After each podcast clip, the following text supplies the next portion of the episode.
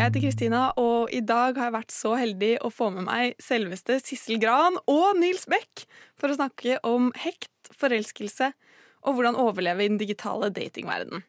Sissel, du er jo psykolog og forfatter, og det var jo faktisk du som introduserte oss for begrepet hekt eh, i boka di 'Hekta på et håp om kjærlighet', som du skrev med Nora Skau.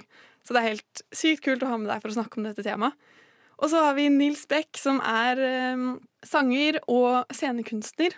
Og du er også en av de artistene som etter min mening best fanger opp følelsen av å være hekta. Og generelt har du veldig mange rørende låter og skildringer av kjærlighet i dens mange fasetter. I tillegg har vi Maria Johanne på teknikk. Velkommen skal dere være. Tusen takk. Takk for invitasjonen. takk for at dere vil komme. Jeg er glad for å være her, tror jeg. Ja. Ja.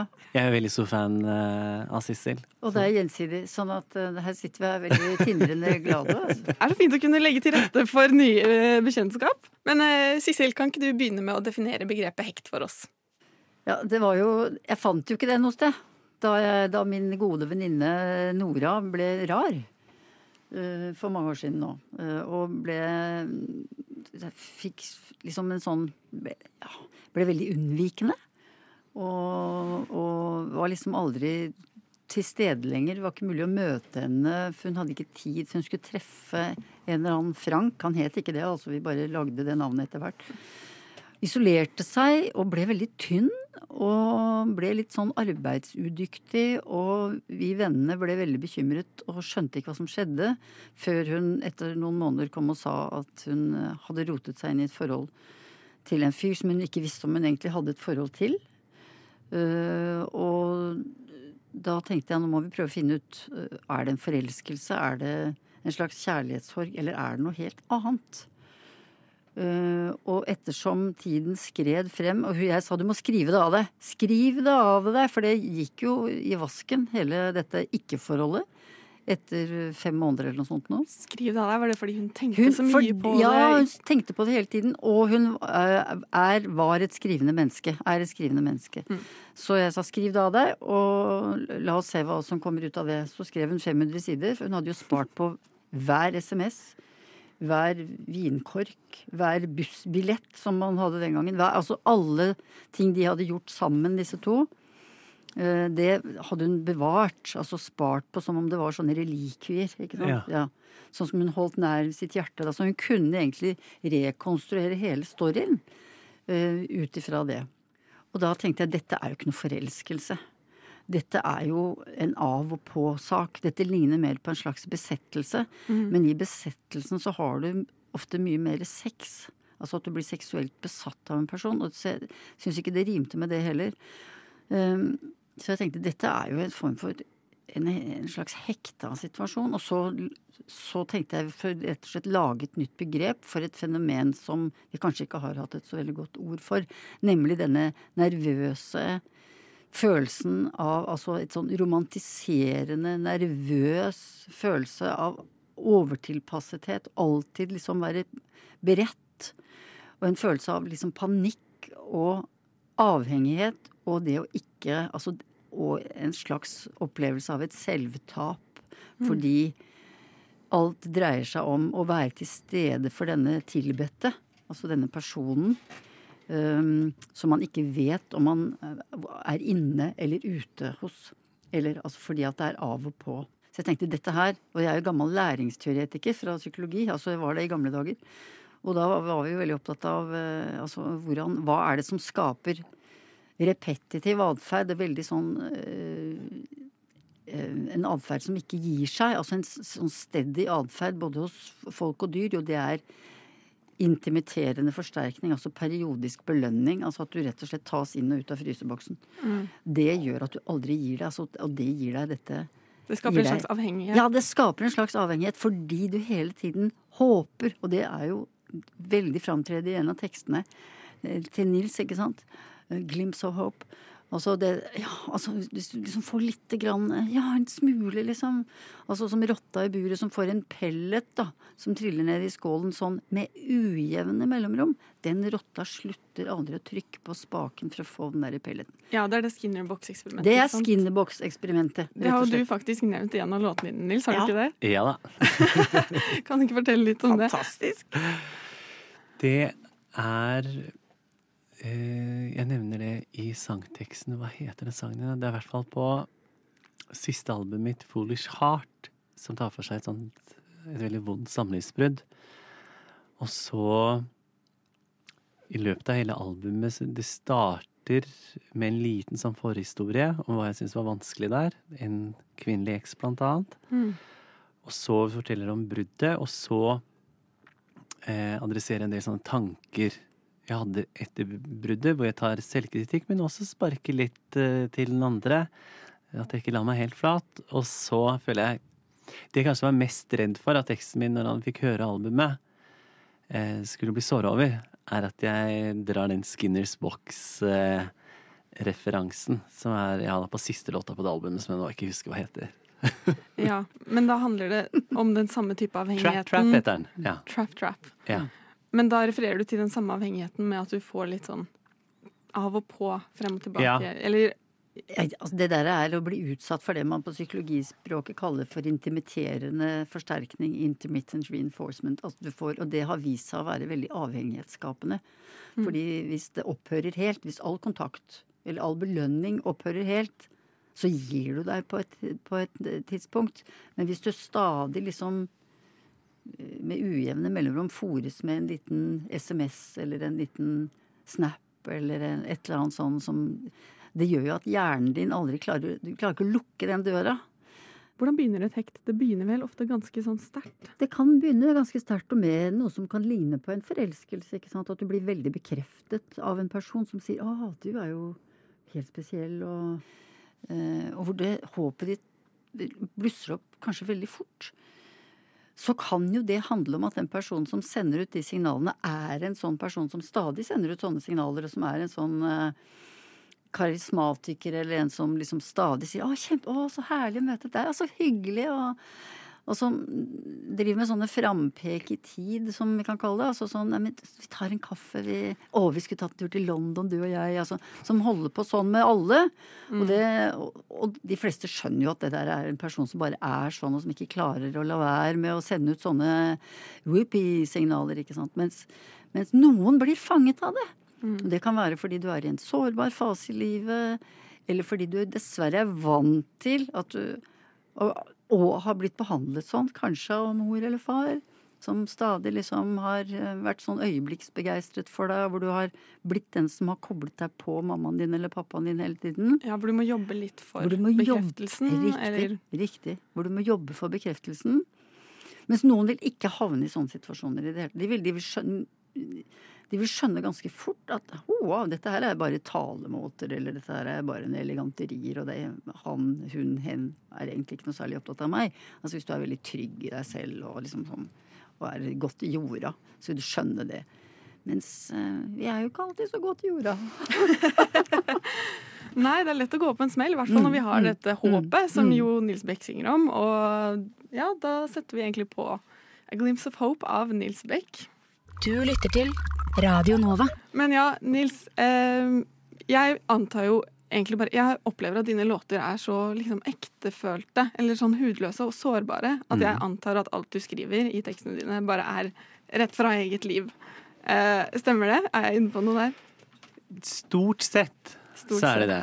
Eh, men det er viktig for meg å si at jeg tar meg jo kunstneriske friheter. Jeg opplever personlig at jeg aldri har vært i en relasjon hvor noen har skapt et hekt hos meg.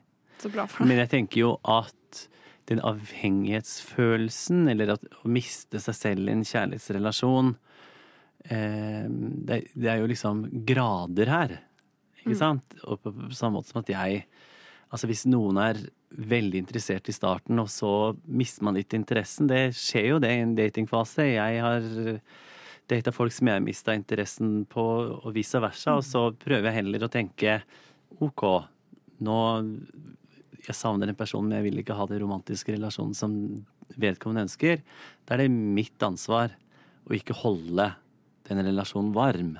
Ikke sant? Det er noen sånne ting. Eh, så når vi da snakka om min eks i stad, så er det viktig for meg å si at eh, at uh, i den kjærlighetssorgen så sparka jeg litt i alle veier, og da dro jeg Skinners boks. Altså, det var veldig, derfor jeg grua meg litt til at han skulle høre det. For jeg følte at nå var jeg litt, litt hard i klypa med han. Men eh, om jeg skriver eh, ut fra mitt eget liv? Ja, stort sett. Men det som er gøy, er at Glims of Hope er jo fra et album som heter Ekko, og det er det eneste albumet hvor jeg faktisk ikke har skrevet om meg selv. Men hvor jeg så rundt meg, og så følte jeg at blant alle vennene mine, da var vi kanskje sånn 33-34 Så gikk alle rundt og bala så voldsomt med den der kjærligheten. Og, og at da hadde vel jeg vært sammen med han fyren her i fire år, og fremdeles var det så mye å jobbe med. en evig dans, liksom. Eh, selv om det var virkelig på plussida. Eh, og så, så hele det albumet handler om sånne observasjoner som jeg har så rundt meg i vennegjengen. For i mitt hode så veit jeg hvem hver sang handler om, eh, uten at jeg skal gå ut med det. Eh, men samtidig så er det jo også at jeg legger merke til det, de tingene fordi det er gjenkjennelig for meg òg. Og 'Glims of Hope' er på mange måter en sang som det, ja, det er vel kanskje det nærmeste jeg har vært et hekt. Og at jeg, når jeg var 25 år, så møtte jeg en fyr som jeg ble veldig forelska i.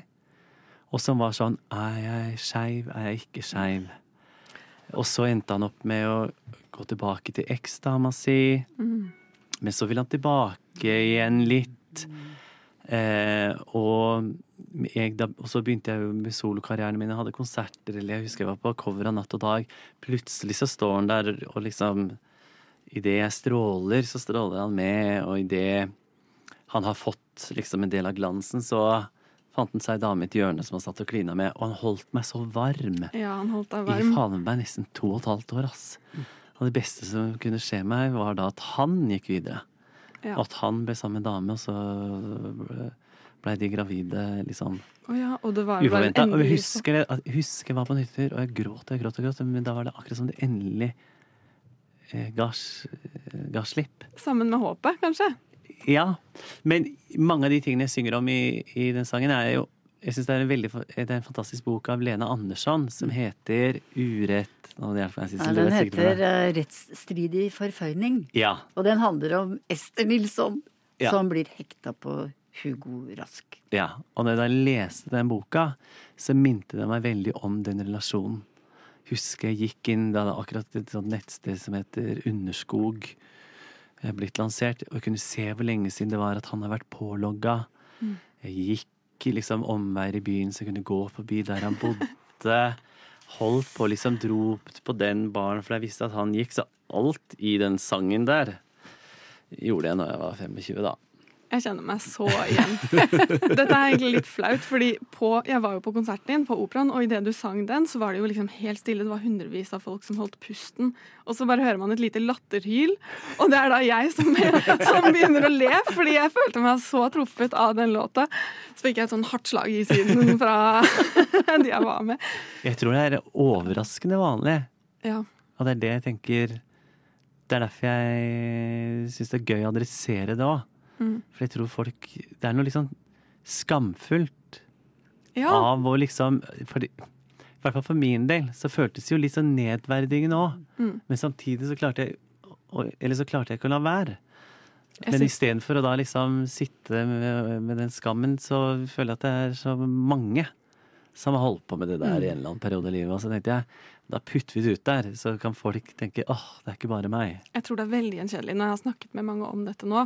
Fordi jeg kan jo røpe at jeg er i mitt eget hekt, hvis ikke det var eh, åpenbart. Ah. På vei ut. Og det minner egentlig veldig om ditt, Nils. Fordi dette var da første jenta jeg liksom turte å date ordentlig da jeg var 23.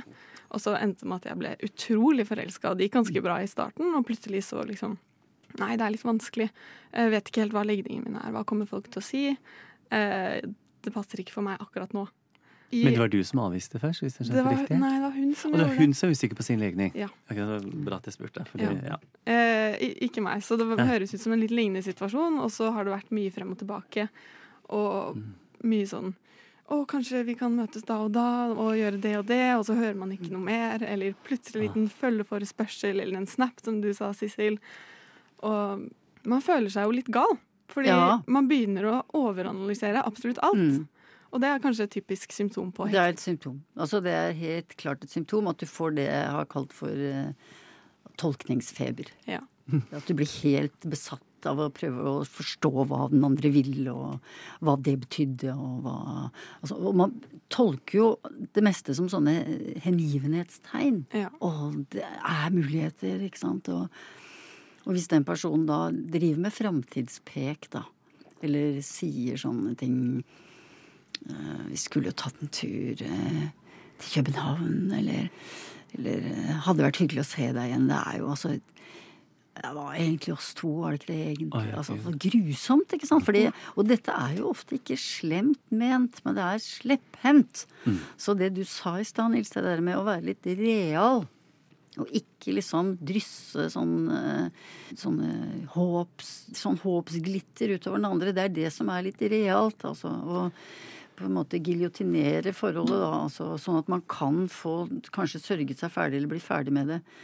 det mange skjønner ikke hva de egentlig driver med. Ikke sant? Det er Nei. ikke nødvendigvis slemt, men det er slemt for den som er utsatt for det, og som kan føle seg etter hvert nesten syk. Ja, for det er jo veldig egoistisk. Det er det. Og så tenker jeg også at de som holder på sånn, da Det må jo være noe med dem også, som kan handle om en sånn frykt. For ensomhet. Frykt for ensomhet! Mm. Altså frykt for å liksom si ordentlig ha det til en person, og frykt for kanskje å stå i liksom eh, ja, autonomiens eller ensomhetens svimlende frihet en stund. For det er noen som ikke klarer å lukke dører, og det kommer nok av at de er redde. Redde for å være alene, og derfor så holder de liksom i den de var sammen med, mens de liksom holder i den nye. Ja, pose og sekk. Ja, det er, og det, det er jo menneskelig, for vi er redde for å være alene, men samtidig så kan det være utrolig vondt. Både for den man har gått fra, og den man forsøker å få, ut, få til et forhold med, ikke sant.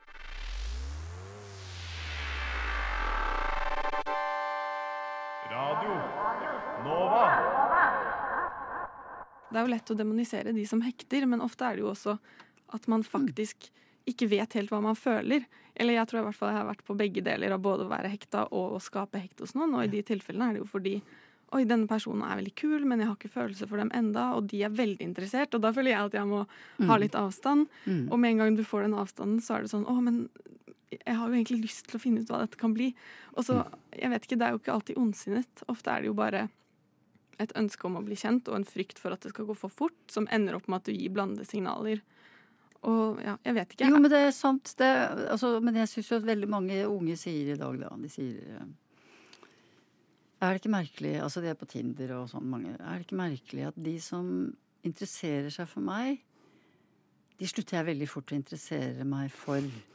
Mens de som jeg interesserer meg for, de Når jeg viser det, så trekker de seg unna og er ikke interessert i meg, og hvordan skal jeg løse dette? Freud sa akkurat det samme. Altså den at det vi begjærer, det, de elsker vi ikke, men de vi elsker, de, de begjærer vi ikke. Altså, At det er noe underlig i mennesket som er opptatt av at det du hindres i å få, det vil du ha. Mer enn det du som er veldig tilgjengelig for deg. At vi er veldig opptatt av det delvis utilgjengelige, da. Vi er litt Og jeg tror at jeg tror at sosiale medier, alle sjekkeappene og sånn, er med på å fyre opp under den problematikken. Ja. Men kan det også være Jeg er sånn som Når jeg liker noen, så altså Jeg tror nesten at jeg kan skape mitt eget hekt uten at de trenger å gjøre noe jobb, for å si det sånn. Altså, um, og da er jeg ekstremt på. Um, og jeg, med alle jeg har blitt sammen med, så jeg etter hvert så begynte jeg å kjenne igjen mønsteret. Så er jeg sånn åh, nå ser jeg at de begynner å tvile, fordi jeg er så på. Mm. Og så må jeg bare klare å puste med maven. Være Vise litt flere fasetter av meg sjøl enn bare den som er et ja-menneske og eh, på tilbudssida.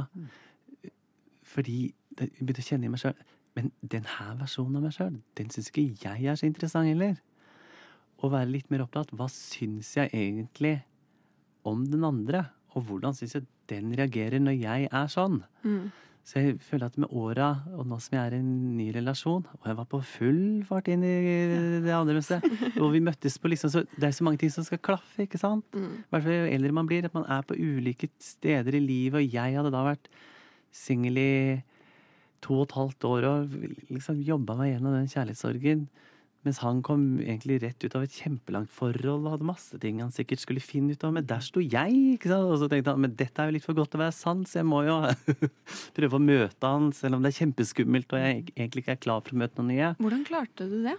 Nei, da øvde jeg meg på å begynne å Eller én, puste med magen. Være sånn bevisst på at å si ifra om ting i vår dynamikk som jeg syns var utfordrende. Og i det tenker jeg åh, da ble jeg litt mer interessant. For eksempel sånn Oi, når vi var på til middag, drev du og teksta med eksen din? Det har ikke jeg noen interesse av. Jeg skal ikke legge meg opp i hva slags relasjon dere har, men ikke tekst med han når jeg er til stede. Så du har på en måte Det gidder jeg ikke. Det var jo veldig selvhevdende på en måte Ja, som er litt attraktivt. Tenkte jeg òg. Ja, da blir du Og det plutselig virker, veldig og det virka sånn òg, Ja. for å si det sånn. Ja. Og så i For du skal jo ikke være en dørmatte, en begeistret dørmatte. Nei, det er noe Nei. med det. Og så også tørre å liksom mm, være åpen om ting som jeg ikke bare misliker, altså ikke sånn «Nei, Jeg vil ikke ha det sånn eller sånn, sånn men også si hva jeg syns kan være utfordrende, eller hvordan Hva som er sårbart for meg. Så at jeg på en måte får vist liksom hele fasetten. Både den som kan være streng, og den som kan være sårbar, og den som er kjempebetatt og egentlig hodestups forelska. Eh, og da tenker jeg da, hvis, Når jeg liksom klarer det, så er jeg jo en interessant, fin person. Ja. Og, og om da den personen ikke vil ha meg da, så er det i hvert fall mye enklere eh, å forholde seg til enn om jeg bare har vist én side av meg sjøl, som er den som er så redd for, av, for å bli avvist, at jeg blir et sånn et skall av en sånn uinteressant nikkedokke, liksom. Ja, Er det ikke akkurat det som også kjennetegner hektet? At man nesten ødelegger seg selv. Man blir i hvert fall en elendig versjon. Man takker for alle smuler. Å, en lita smule. Tusen, tusen takk. Helt riktig. En liten Den har man jo ikke lyst til å gå til sengs med. Nei, det Det er er jo utrolig lite attraktivt, egentlig. Men man blir litt sånn, man blir selvutslettende, ikke sant. Fordi man tenker at nå må jeg bare være sånn på tilbudssiden hele tiden. Og nå må jeg liksom bare sitte på ventebenken og bare være klar. Og man er så nervøs Veldig, og urolig Ja, at det- man ja. klarer jo ikke å være seg selv. Man er jo ikke noe morsom Nei. lenger. Man blir jo Det et vrak av et menneske. Man blir et vrak, og det er symptomene på at man er hekta, og at det ikke egentlig er en reell forelskelse, men at du er overtilpasset og overnervøs. Altså, for det er veldig mye nerver i et hekt. Det er ikke så mye glede. Nei. Og det er noe av forskjellen på en gjensidig forelskelse og et hekt. er at I den gjensidige forelskelsen er det jo mye glede. Mm. Og mye spenning, selvfølgelig, og mye, men det er veldig mye en følelse av å vokse. En følelse av å ha, bli flott og bli bli, Bli sett. Med, ja, bli sett. Fordi at, og det at du blir sett, gjør at du føler at du liksom Du er virkelig høy og mørk. Og du er liksom risik... Altså du tør mer, og du blir modigere, og du blir det, Så det å være veldig forelsket og få den andres forelskelse tilbake, det er jo en veldig sånn vekstprosess, da. At den andre flytter litt inn i deg, og du blir modigere enn det du var før du traff denne personen. Mens i et hekt så er det nesten sånn at du krymper. Altså fordi selvfølelsen din skades. På den måten at ikke, du ikke lenger greier å være oppmerksom på hva du faktisk selv føler eller vil lenger. For du blir så overopptatt av hva den andre føler og vil. Du har radaren på på den andre hele tiden. Hvor er hen nå? Hva skjer i hen? Og så er det hvis jeg bare gjør sånn, eller 'Å, nå sa jeg visst noe feil', eller 'Å, gud, nå skremte jeg henne bort'. eh, «Hoa, nå må jeg liksom, nå må jeg være veldig forsiktig, eller nå må jeg, 'Hvordan skal jeg oppføre meg?' Og så sjekker man det ut med venninner og venner. Allierer seg med hele vennegjengen for å prøve å tolke hele disse stakkars signalene. vennegjengen, altså Det blir jo venninnekoret, som det kalles i boka til Lene Andersson, ikke Ja. sant? Som hele tiden prøver å si 'du, glem Hugo Rask, dette er ikke et forhold'. Men man vil ikke høre på det øret. Man vil ikke høre på det, fordi Nei, nei. øh, øh, du, du skjønner at hen altså det, er, det er- noe her som jeg forstår, som du ikke forstår, osv. Så, videre. så venninner og venner kan komme til kort. Mm. Ganske lang stund, iallfall. hvis man er fanget et hekt. Og, man, og det handler om at man er fanget, at man er i en felle, altså. Mm. Men jeg lurer litt på hva er det som gjør at noen folk blir fanget? Vi har jo allerede snakket om at eh, den her eh, ujevne belønningen gjør at man kan bli avhengig, litt på samme måte som man kanskje blir avhengig av andre ting. Mm. Men er det noe til felles med personene som blir hekta? Eh, utover det, du snakker jo litt om det i boka di, at følsomhet blant annet går Ja, igjen. Så hvis du er en Jeg tenker jo Det er mange ting, tenker jeg. Som, Hvis du er en veldig positiv person, ikke sant, som tolker ting alltid i sånn beste mening og ser muligheter i alt, det kan gjøre deg litt uh, utsatt. Eller hvis du er en hvis du er litt sånn elektrisk person, da, som liksom fanger opp alt og, og, og, og liksom ser noe godt i, i denne personen som Eller noe fantastisk i denne personen som kanskje ikke andre gjør. Eller hvis du er eh, Hvis du er i en sårbar fase, for det handler om tid og sted òg. Altså at du um, Jeg husker jeg leste det. du, Ja. du skrev at um, det er noe med å romme det motsetningsfylte som ofte går igjen. Og det kan jeg kjenne meg veldig igjen i. At liksom, du ombestemmer deg nesten hvert femte minutt hvordan du tolket et eller annet. Mm. Om ok, hun er egentlig ikke interessert, eller jo, men hun gjorde jo det og det, og hun ser jo på meg på den måten, og Mm. det må jo bety noe. Så Mm. det er som om hjernen din ikke klarer å håndtere at den Mm. både vet at personen ikke er interessert, og vet, eller føler at de er det.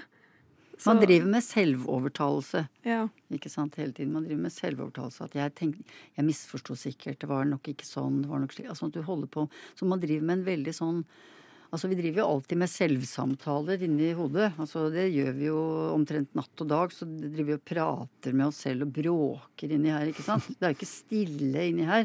Nei. Øh, Men da blir det en veldig sånn Da blir selvsamtalen veldig ofte sånn tvilende, litt forvirret og overtalende. ja. Ikke sant, hele tiden. Man driver med selvovertalelse. At jeg tenkte, jeg misforsto sikkert, det var nok ikke sånn, det var nok slik. Altså at du holder på Så man driver med en veldig sånn Jeg tror man forvirrer seg selv veldig. Altså når man er i en sånn fase. En sånn fase kan vare altfor lenge. Altså.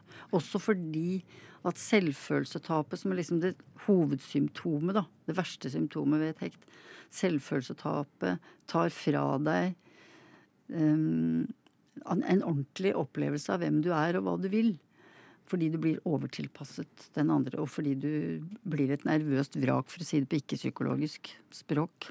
Når jeg leste om det Skinnerbox-eksperimentet og snakket med en venn som går psykologi om det, da nevnte han eh, Rat Park-eksperimentene, som også er kjempekjent fra eh, avhengighetspsykologien.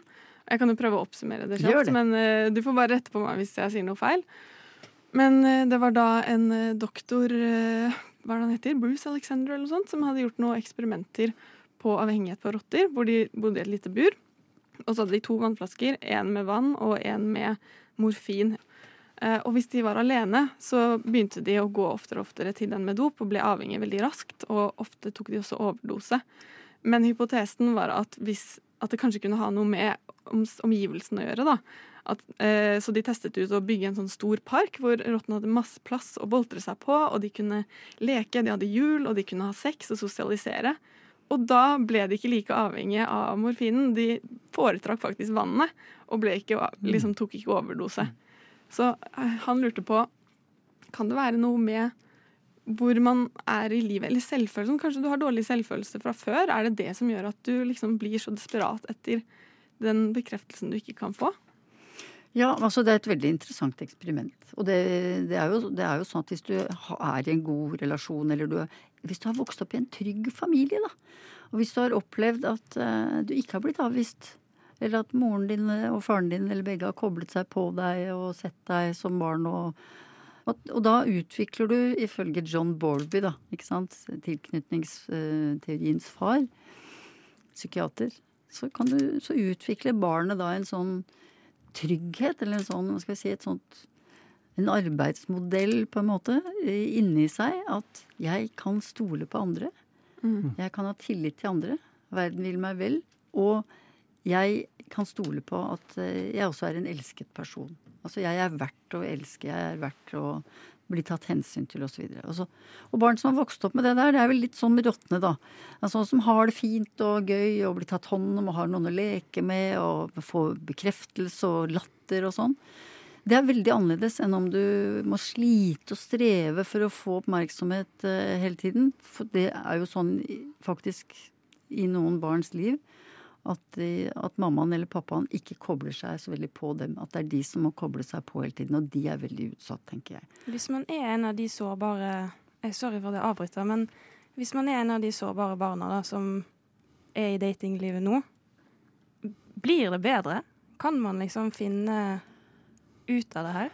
Altså de som Jeg vet hva, jeg tenker nesten sånn at hvis du, er, hvis du vet at du er sårbar for avvisning, og at du lett hekter deg på mennesker, eller ikke greier å sette grenser, si nei og roter deg inn i ting, så skal du ikke være på Tinder. Nei. Det er rett og slett uh, ikke stedet for deg. Tinder generelt, eller snakker du om du ikke skal lete etter et forhold før du har fikset opp i ting selv? Jeg tror da må du få litt hjelp. Ja. Og, for det, det jeg liker veldig dårlig, det er altså tidens melodi som er litt sånn øh, Ja, men du må tåle avvisning, vet du. Altså, det må du tåle. Som, altså, I gamle dager så sa vi sånn hvis du vil være med på leken, må du tåle steken, ikke sant? Altså bli stekt, da. Sånn at den herdingsideologien som jeg syns eksisterer nå, at den syns jeg er veldig brutal. At du skal liksom herde deg og tåle massevis av avvisninger, og tåle å avvise selv, og at det er en sånn en hardhet, da. Eh, altså at hardhet på en måte hylles som det nye riktige i liksom datingkulturen. At det kan godt være med hjem og ligge med deg, men eh, å føle noe, nei, det er risikabelt, for da, da er du liksom så needy og slitsom. Nei, det gidder vi ikke. Men et ligg, det kan vi være enige om at det er greit, liksom. Jeg syns det er hardhendt. Ja. Det er mulig jeg er veldig gammeldags, altså. Men jeg syns ikke det er fint. Jeg blir litt bekymret. Jeg er helt enig med deg, jeg. Ja. Jeg blir også bekymret, fordi man, man blir nesten oppfordret til å legge fra seg følelsene sine. Men det føles også som en slags forutsetning, fordi hvis du skal være der ute på datingmarkedet og sveipe på mennesker og treffe dem og avvise dem hele tiden, da må man nesten bli kald for å takle all avvisningen, da. Eller er det Men tenk hvis man på en måte Hvis det er en trend, da. ehm, tenk hvis man da på en måte går motstrøms og starter en trend. Tenk hvor attraktiv man er da, for eksempel. Og jeg har hatt et sånn eh, mantra i starten når jeg data han som er kjæreste med nå. Eh, så gikk jeg i min andre runde i terapi. Først gjorde jeg det i slutten av 20-åra. Anbefaler jeg veldig, altså for meg, før og etter det beste som har skjedd meg noensinne. Og så etter den, eh, det samlivsbruddet også hadde jeg hatt en veldig sånn heavy hjernerystelse, så jeg var sykemeldt lenge. Det var ting jeg trengte å rydde opp i. Jeg hadde fått en liten knekk. Og da sa eh, psykologen min eh, spill er for tenåringer. Og det har jeg øvd meg så på, og vil få det ut i hele verden. Spill er for tenåringer. Og jeg har i hvert fall aktivt øvd meg på at hvis jeg kjenner en glede, hvorfor skal jeg holde den tilbake? Hvis jeg kjenner en kjærlighet for noen, hvorfor skal jeg holde den tilbake? Men så er det også sånn, for jeg tror man lett kan bli hekta fordi man også er veldig ulike. Noen elsker å prate i telefon. Jeg har eksempel en barndomsvenninne som jeg er veldig nær den dag i dag. Vi var kjærester på barnehagen. Nå er hun lesbisk og bor 100 meter oppi veien. Og hva sier jeg? Skeiv og fin. Eh, men på ungdomsskolen, så, eller fra ungdomsskolen til kanskje jeg var 26 år, så snakka vi sammen på telefon hver dag. Og så plutselig sa Du veit det, Nils, jeg er ikke så glad i å prate på telefon, jeg. og jeg bare Hæ? Og det sier du nå? Eh, og det er jo noen som er det, og det er noen som ikke er så glad i tekstet, tekste. Og så ender man opp med å overtolke og skal finne forklaring på hva det handler om. Og så er det bare sånn. Sånn er du. Og kanskje det også er fordi du Det er bare én del som er ulik meg, da, men at det er mange andre sider ved deg som er ulik meg. Og så ender man opp med å sånn overtolke og drive og melde fordi med han eh, som er kjæreste med nå, tenkte jeg i starten, som jeg sa Men vent litt, da. Du må gi han muligheten til å rekke å melde før du melder. Og de gangene jeg klarte å stå, jeg syntes det var helt utholdelig. Det gikk plutselig to og en halv dag. ikke sant? Han bodde i en helt annen by enn meg. Og jeg bare Nei, nå har han mista interessen. Sånn. og da ringte han til meg. ikke sant? Men jeg fikk jo aldri muligheten. Jeg, jeg lå jo på røret i et bankende kjør. Og da tenker jeg sånn Å ja, da er det ikke Og hvorfor jeg da ikke meldte, var ikke fordi jeg skulle spille litt spill, men fordi jeg skulle gi han rom til at han skulle være seg.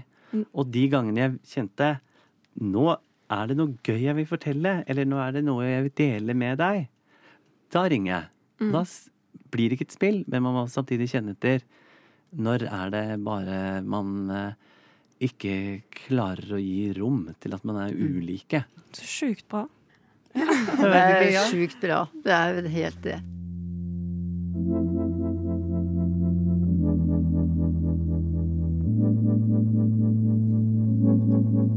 Men det er jo også noe med det at det kan ta tid før man blir interessert, da.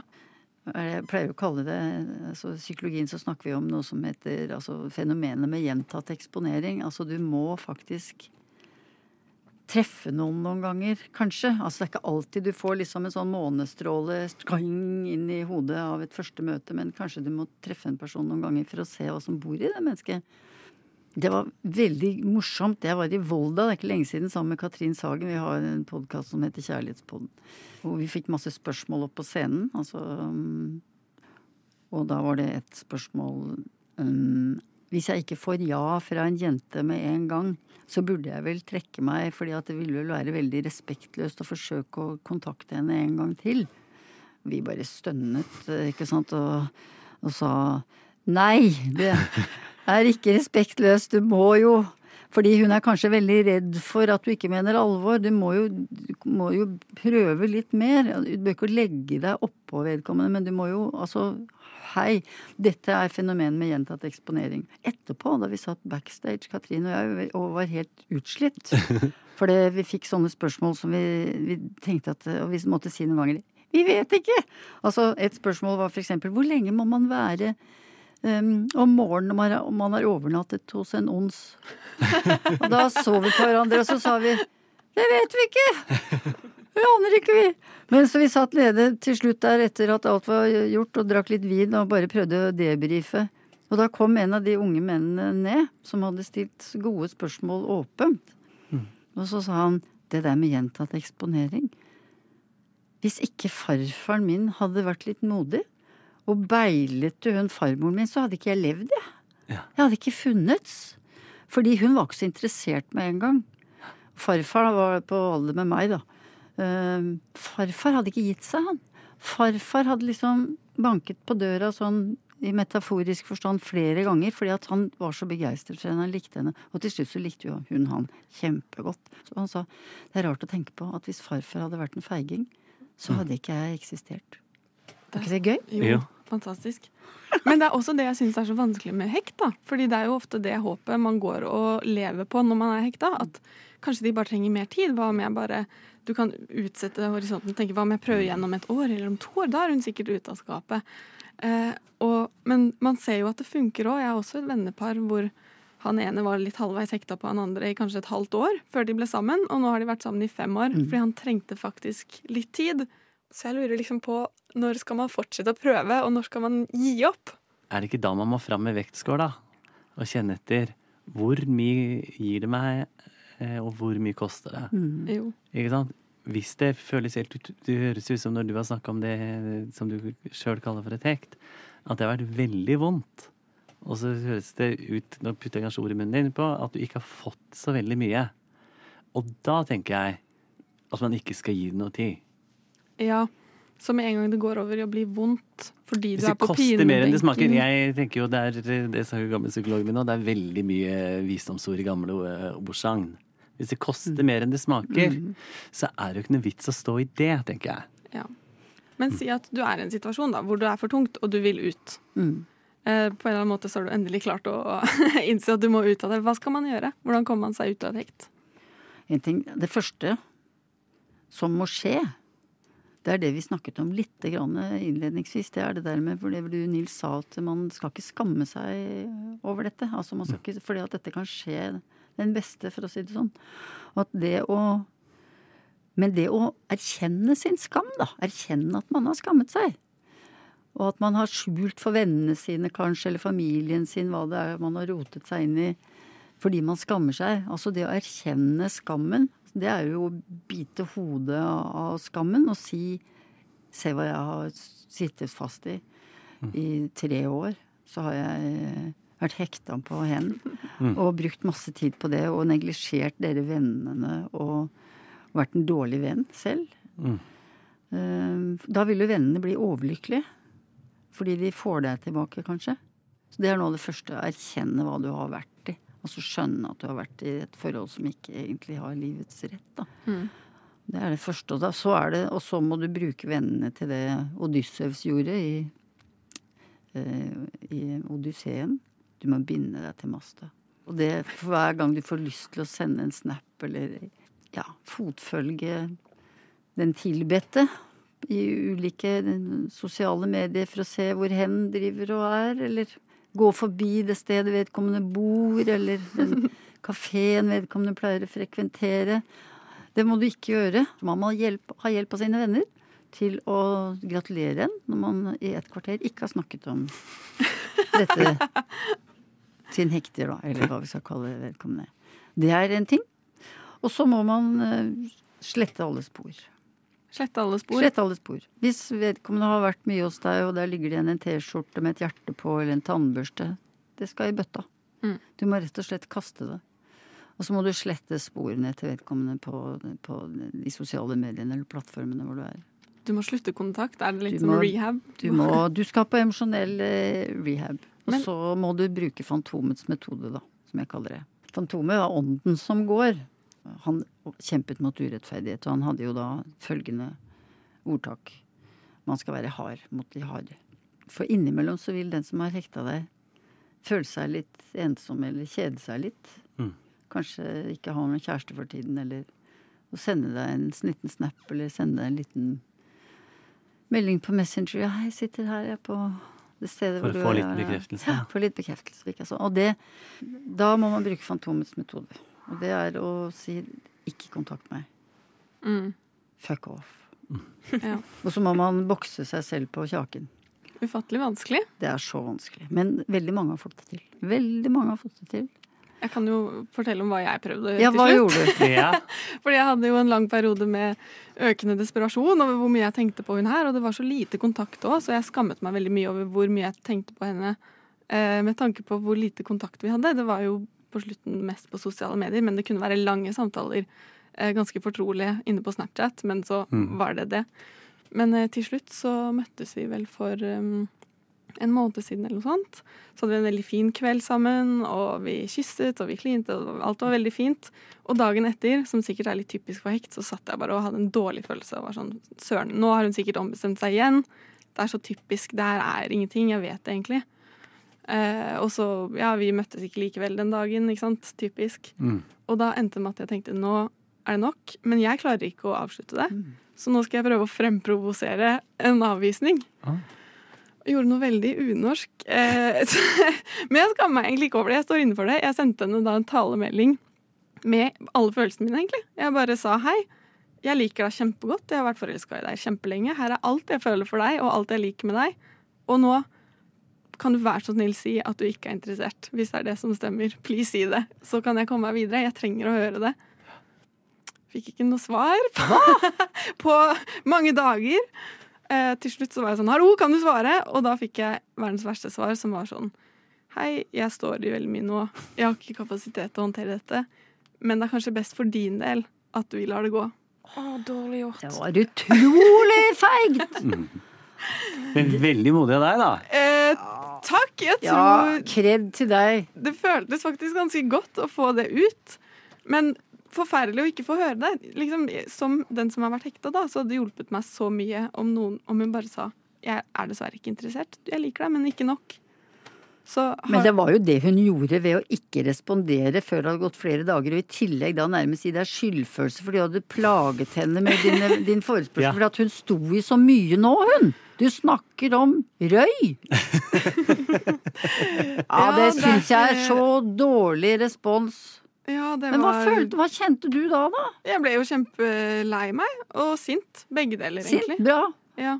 Men, uh, Men hva har du gjort etter det? Nå mente jeg ikke å kalle henne en røy, altså, men det var bare Jeg beklager. Det var et røysvar. Ja. Det kan jeg være enig om. Det var et røysvar. Det var et hurpesvar. Altså. Ja, det var det. Eller det kom fra denne hurpa. Altså, ja.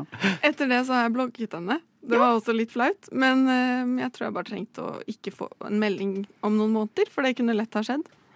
Men hva Men det er jo Fantomets metode. Det er Fantomets Men, metode. men det er nysgjerrig, var du stolt over deg sjøl som gjorde det, eller sa du det at du følte deg stolt? Nå husker jeg ikke. Ja, det føler jeg meg egentlig litt glad for. Mm. Jeg, jeg har ikke lyst til å ha noe usagt i livet. Jeg har lyst til å tørre å være sårbar, da. Og leve i en verden hvor man kan vise følelsene sine. Og tåle en avvisning. Men vi er ikke, jeg tenker jo at når du sier det, så, så har du jo på en måte gitt deg selvkjærlighet. Ja. Ved at du sier 'sånn er jeg'. Vil du ha meg? Det var det jeg Men prøvde. sånn er jeg. Sånn er jeg. Og så, hvis hun da ikke vil ha deg, så vet du at men sånn er jeg. Og så skal du kanskje slutte å eh, legge selvbildet ditt eller eh, altså Nå sier jeg ikke at det allerede gjort, men, men eh, bekreftelsen hos hun. Det er fint. Det hjalp Og hvis du følte deg bra etterpå, så er det sånn åh, da ga du deg litt sånn selvkjærlighet, da. Mm. Jeg syns det var veldig godt gjort, og, og det var sånn Ja, du tok en skikkelig risiko. Så det var veldig modig gjort. Det er litt som å rive av plasteret. Jeg Ja, følte at det er ingen vei tilbake, da. Fordi Mm. selv om hun var usikker, så kan du ikke Du kan ikke leve med en så stor skjevfordeling, ikke sant. Så det måtte jo bli slutt etter det. Men der gjorde de jo litt sånn som Sissel snakka om i sammen de 36 spørsmålene, da. Men å si sånn Jeg liker deg. Hva vil du med meg? Ja, det er Og sant. det er kjempeskummelt. Men samtidig så tiltrekkende òg, da. Det syns jeg. Å tørre å liksom Ja. Men du får jo ja, røyka ut Du får jo Ja. ut den andre når den andre da, etter en sånn en sånn betroelse, da, mm, som kommer fra hjertet, mm, eh, og som er så vakker, da. mm. Eh, og, du ikke får et, og det går flere dager uten at du sender et svar tilbake. Da er du altså Og, og når du endelig svarer, så svarer du så unnvikende og feigt som det går an for blitt. Jeg står i veldig mye nå. Ja. Mm. Og vedkommende som da Hva tror du sendte jeg gjør? Hva Ja. tror du? Ja, Det var seks lange dager, for å si det sånn. Hallo! Gud, seks dager. Men eh, hva skal man si, da? Hvor, hvis man er den personen som skal avvise noen? Hvordan burde man formulere seg best for å hjelpe dem Hjelpe dem ut. ut? Ja. Så egentlig er det en sånn slags barmhjertighetsdrap, da. Si at jeg, vi skal ikke være venner, og vi skal ikke treffes, og jeg skal ikke ta kontakt med deg mer. Jeg liker deg, du er super og hyggelig og sånn, men du blir ikke min kjæreste. Og du må rett og slett legge det bak deg. For jeg vil ikke, jeg vil ikke være din kjæreste. Det må man si. Men jeg er veldig redd for å såre. Men det er mye verre å la noen slepes etter deg måned etter måned, år etter år, øh, fordi du ikke vil være såkalt slem. Det er jo slemt. Det er slemt.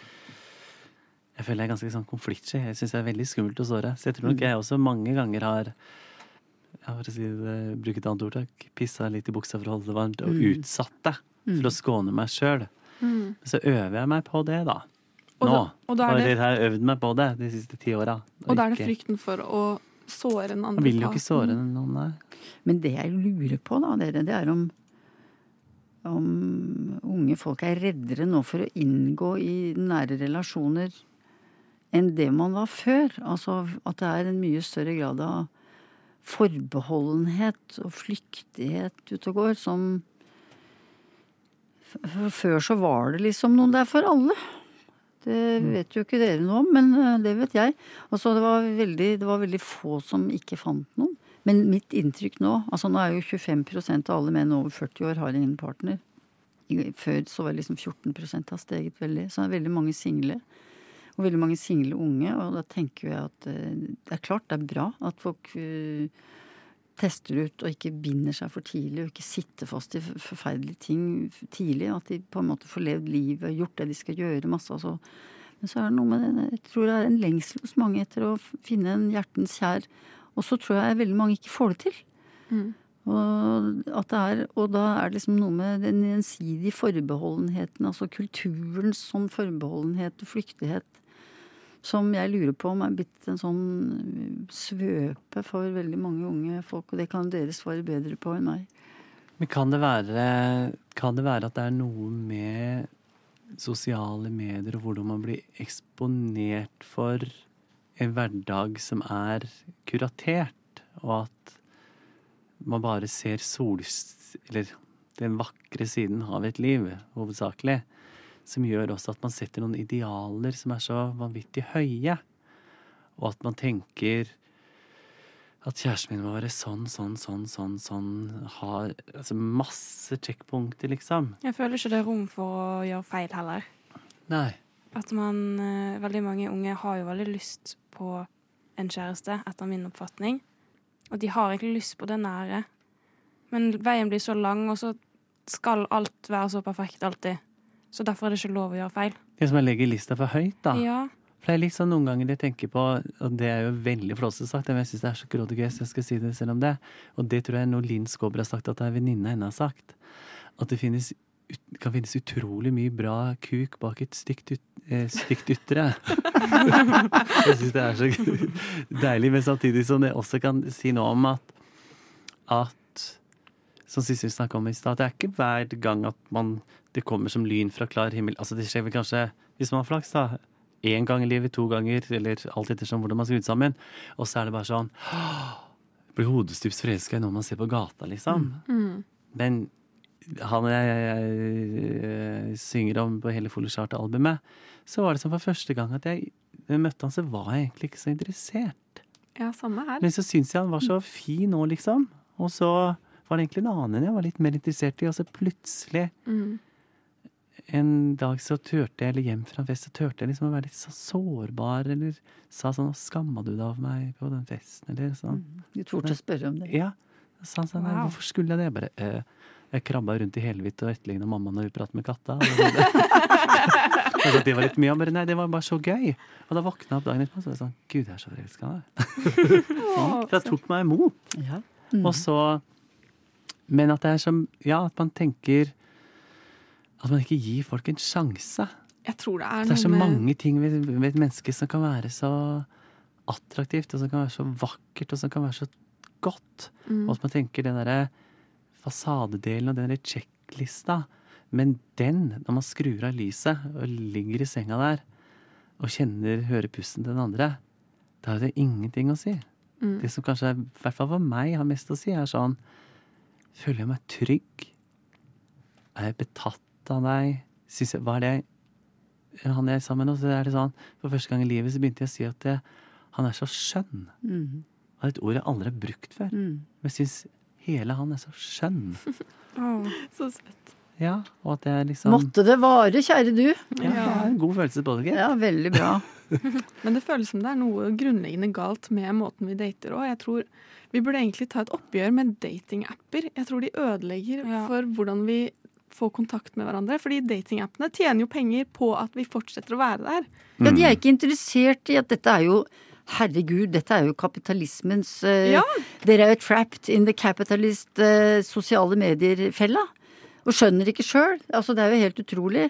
Uh, og de, altså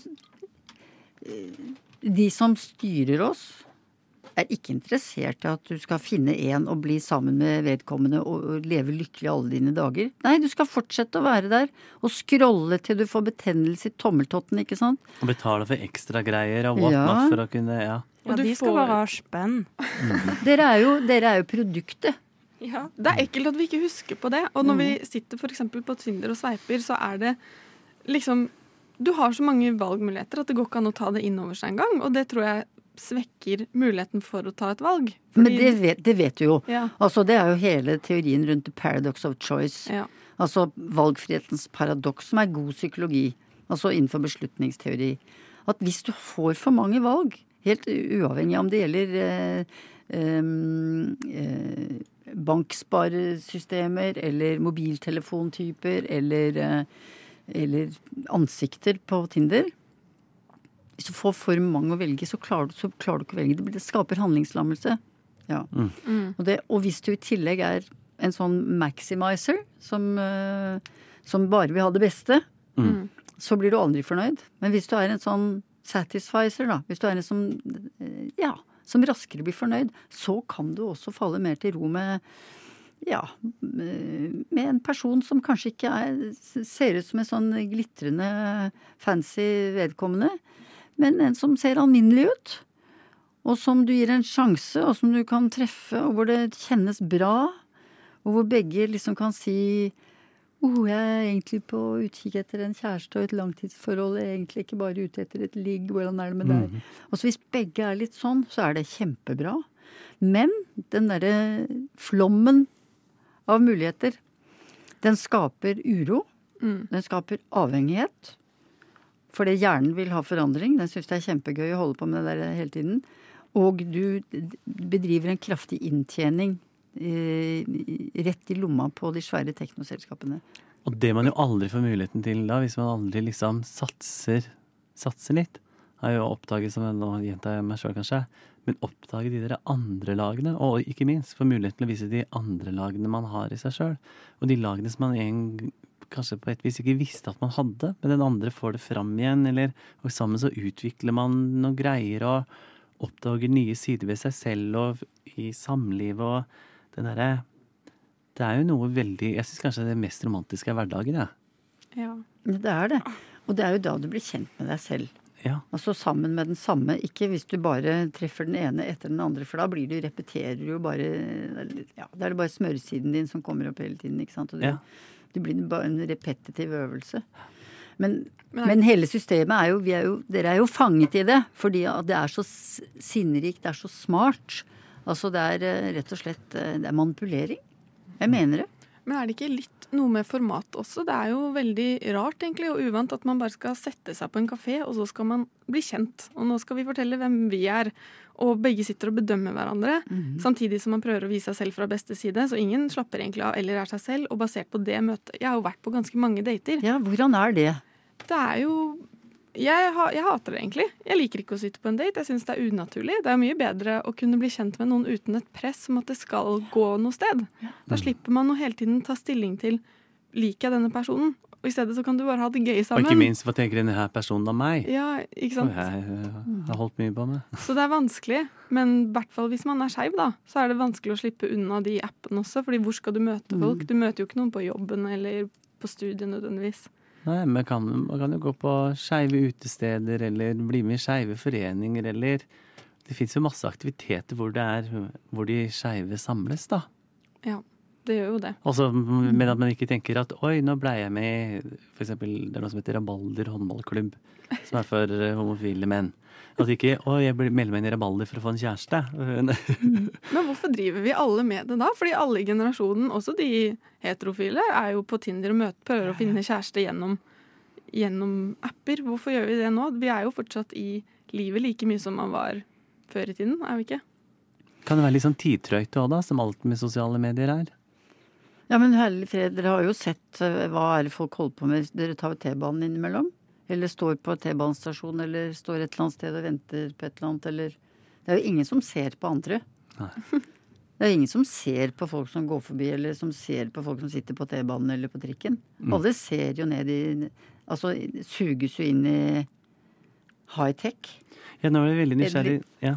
Og det, og, sånn at du ser deg ikke rundt når du sitter på kaffebrenneri da, med venninne eller venn eller Det er ikke sånn at du ser på de som sitter ved siden av og tenker at «Å, lurer på hun, hun var jo veldig søt. Nei, du ser ned der. Og hvis du skal ta kontakt med noen, så er det jo via Tinder eller Happen eller Grindr eller et eller annet. Og ikke via Hei.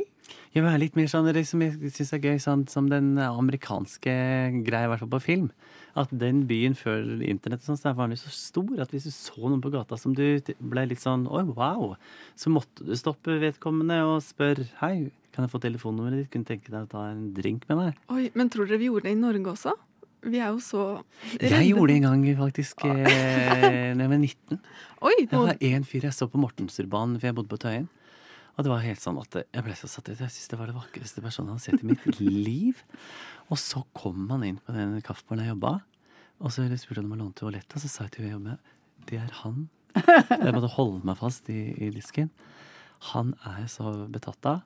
Og så sa jeg sånn, spør ham telefonnummeret når han kommer ut. Så gjorde jeg det, og det syntes jeg var så skummelt at etterpå, da han gikk ut, fikk telefonnummeret, måtte jeg legge meg ned på gulvet. så bak i bare Men det var, og vi data litt, og det var helt topp. Å, wow. Altså, jeg traff mannen min på den måten, men det var jo helt på den måten, på Kunstnernes hus. Å, wow. Ja, og da var jeg der. Da var jeg 43, for jeg har vært gift noen ganger før. ja. Og så mm, var der med noen venner, og det var en vernissasje, masse folk, veldig hyggelig. Og der så peker hun venninnen min som jeg kom dit med, på en kar som sitter der, som har helt hvitt hår. Ja. Røyker en eller annen lang sigarett. eh, Snakker og ler og drikker øl. Å, sier hun det, så sier hun navnet hans, ikke sant. Det er Ola. Han er eh, egentlig Han er lege, han. Og han er i grunnen, tror jeg, helt normal og ledig en uke nå, kanskje, så det burde jo skinne deg bort. wow, så jeg tenkte at ok. For jeg var singel og tenkte at nå er jeg veldig lei av slemme gutter. Nå vil jeg ha noe annet. Testet det som en normal? Som er helt normal. så jeg gikk bort og sa hei. Um, så sa jeg kan jeg sette meg, uh, for vi har en felles kjent og sånn. Og han syntes det var kjempehyggelig. Da. Det kom en dame med sånn med, i rødt og satte seg ned. Og da pratet vi en stund, og så gjorde jeg det som det er riktig å gjøre. Da gikk, jeg gikk etter en stund og sa jeg kommer heller bort og snakker med deg siden jeg skal ikke forstyrre deg, du sitter her med vennene dine og sånn. Og så, han fortalte etterpå at han ble litt skuffet da jeg gikk da, bort til mine venner. Da. Men så gjorde jeg det en gang til i løpet av kvelden. Sa hei, hvordan går det? Nei, det gikk kjempefint der. Og, så da vi skulle gå, altså da det stengte og sånn, så møttes vi i døra. Tilfeldig, eller? Nei, nei, altså ja, mer eller mindre kanskje. Ja. Og så sa han um, uh, Kanskje vi kunne treffes igjen? Uh, treffes. Og så sa jeg, men vil du ha telefonnummeret mitt? Og så hadde jeg visittkort, for da var, jeg, da var jeg redaktør i noe som heter Fokus på familien, universitetsforlag, samtidig som jeg var psykolog. da. Som fikk den redaktør. Eh, Og så gikk det 14 dager, og så ringte han. 14 dager. Ja, og da tenkte jeg faen òg, det var da treig han var, da. ja. Men jeg liksom eh, beit meg fast i bordkanten og tenkte jeg får bare gi det litt. Og så sent en natt så ringte han. Så koselig med en fin historie. Det, og det er nok sånn både å våge det, altså å bedrive litt sånn gjentatt eksponering. Altså for ikke å skremme folk helt bort, men samtidig våge å liksom ta et initiativ. Altså. Det får briste eller bære, tenker jeg noen ganger. Så jeg er veldig enig i det som vi har snakket om her nå. Altså hvis man sitter på en date og er- tenker at dette mennesket har jeg lyst til å finne litt mer ut av, så må man bare si det. Og så hvis det gjør at vedkommende rygger langt inn i fuglekassa, så får det være, da. ja. Så får det være, da. Ja, jeg tenker jo også Hvis utgangspunktet er sant når man sier man liker noen, Mm. at det er sånn Oi, jeg liker deg skikkelig godt, jeg. Så tenker jeg det kan da jo aldri bli feil å si det. Å si at man liker noen. Mm. Det eneste det kan bli feil for, er hvis den andre ikke vil er jo at man utsetter seg sjøl for en liten At man kan bli avvist, da. Men samtidig så tenker jeg de gangene jeg har gjort det, og den andre ikke har villet tatt meg, så jeg tenker sånn I ettertid Snorre. der, Fader, så ålreit jeg var da. Mm. Både mot meg sjøl og egentlig mot den òg. Det er jo hyggelig å høre at noen liker en. Mm. Mm. At det heller er et pluss. Altså, det fins jo Det er jo ikke liksom så mye positive ting som skjer i verden om dagen. Nei, virkelig, det er ikke det, altså. Det er virkelig, det er virkelig Det er litt svart. Så tenk sånn åh, men den vil ikke ha meg. Men gud, jeg var ålreit, da. Nå er jeg ålreit både mot meg sjøl og mot den. Jeg hadde kanskje, blitt glad jeg, hvis noen sa det Ja, likte meg. Ja, Enig. virkelig. Men går det an å, å starte en trend, da? Altså en litt mer sånn uh, våg deg litt frampå-trend. Det er 2023, det er krig i Ukraina, det går rett vest både her og der. Men nå blir det vår. Går det an kanskje på en date å si, hvis man, hvis man liker en person, eller får lyst til å treffe vedkommende igjen, og si at jeg er møkk lei av å holde på med dette her, Ja. som er et spill, og jeg er ikke en tenåring, jeg liker ikke spill. Jeg, sånn. Slutt med det, og går det an at vi treffes igjen? Ja eller nei? Yes or no? Uh, og jeg tror også at hvis man hadde brukt de appene riktig, så kunne man boikotta Kunne man tatt innersving på systemet, tror jeg. Tror du det? Ja, Mange flere iallfall. Jeg skulle ønske mange flere gjennomskuet det. Ja.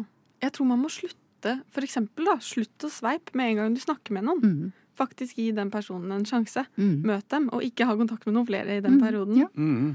Det- hold alle dører åpne. Ja, da kan du Det er litt sånn innenfor kreativitet, og du snakka om, om det i stad, med å liksom avgrense ting. Så hvis alt er mulig hele tida, så fisler det bort. Og, ikke sant? Det er det du sier da. Hvis du fortsetter å se etter noen andre samtidig som du egentlig prøver å knytte kontakt med noen, så blir det jo veldig uoversiktlig, da. Så dum han er, og så smart han er. Mm. Ja, er det ikke rart hvordan hjernen lurer seg selv, men skjønner det? Men også om man kunne inkludert hverandre i livene sine litt tidligere. Jeg syns det er så rart det der med dateformatet, da. Noen av mine mest vellykka dater er når jeg har møtt vedkommendes venner, eller eh, tatt dem med til å møte mine venner, selv om det er tidlig. Fordi da er man sammen i en normal sosial setting, hvor man kan snakke med andre folk og bare ha det gøy og vise hvem man er. Og plutselig så liksom senker skuldrene seg. Ja, for når er det man egentlig sitter sånn rett opp og ned med et fremmed menneske? Det er jo bare datingsituasjon. Ja, Og skal prøve å finne noe å snakke om. Kan man ikke er invitere dem på quiz eller gjøre et eller annet som Ja. er litt mer menneskelig? Ja, så man, ikke, ja, så man har liksom flere ting å lene seg på. At det ikke bare er en sjøl. For det Ja. blir jo veldig skummelt. Det blir et veldig uhyggelig intervjuprosjekt. Ja, det er det det alltid blir. Hvor du sitter og lurer på og Det er jo sånne første date på TV og sånn som jeg sitter og ser på noen ganger, for jeg syns det er interessant psykologisk, men det er jo tragisk. Det er jo, de sitter jo bare og snakker om eh, mat eller serier eller eh, et eller annet helt uinteressant, og du ser at de er ubekvemme, og de har kamera på seg der. Og så skal de sitte etterpå under et sånt svært rødt hjerte og så si høyt om de vil treffes igjen. Altså det er altså så kleint og vondt, men allikevel melder de seg på. Uh, Og de melder, folk melder seg på gift ved første blikk i tillegg. Altså, Det er det det er det mest desperate Altså, du skal gifte deg med et vilt fremmed individ. Men, uh, men ja. Ny trend. Ja. Arbeid med saken. Jeg syns dette her ble en litt eh, håpefull prat, jeg. Hvis vi skal prøve å oppsummere. Vi har eh, spill her for tenåringer. Hvis du er hekta, allier deg med venner, få hjelp, kom deg ut. Bind deg til masta. Ja, bind deg til masta. Og generelt i datingen nå for tiden, tør å være sårbar. For jeg tenker jo at hvis du er sårbar, så er det jo også veldig sterk, da. Ja. Det krever ganske mye mot. Og ikke tenke sånn 'uff, nei, nå var jeg så sårbar', og, og, og kanskje den tenkte nå at jeg er litt sånn stakkars, eller sånt. Nei. Og det er mye kjærlighet Mest for seg sannsynligvis Mest selv. tenker Ja. personen at 'oi, gud, det er den personen der. Modig'. Ja. Og hvis ikke det funker da, så var det ikke meant to be, og det går også fint. Yep. Helt korrekt. Ok, Da tror jeg vi runder av. Tusen takk for at dere kom, Sissel Gran, Nils Bech, og takk til deg, Maria Johanne, på teknikk. Takk for oss. Takk for alt.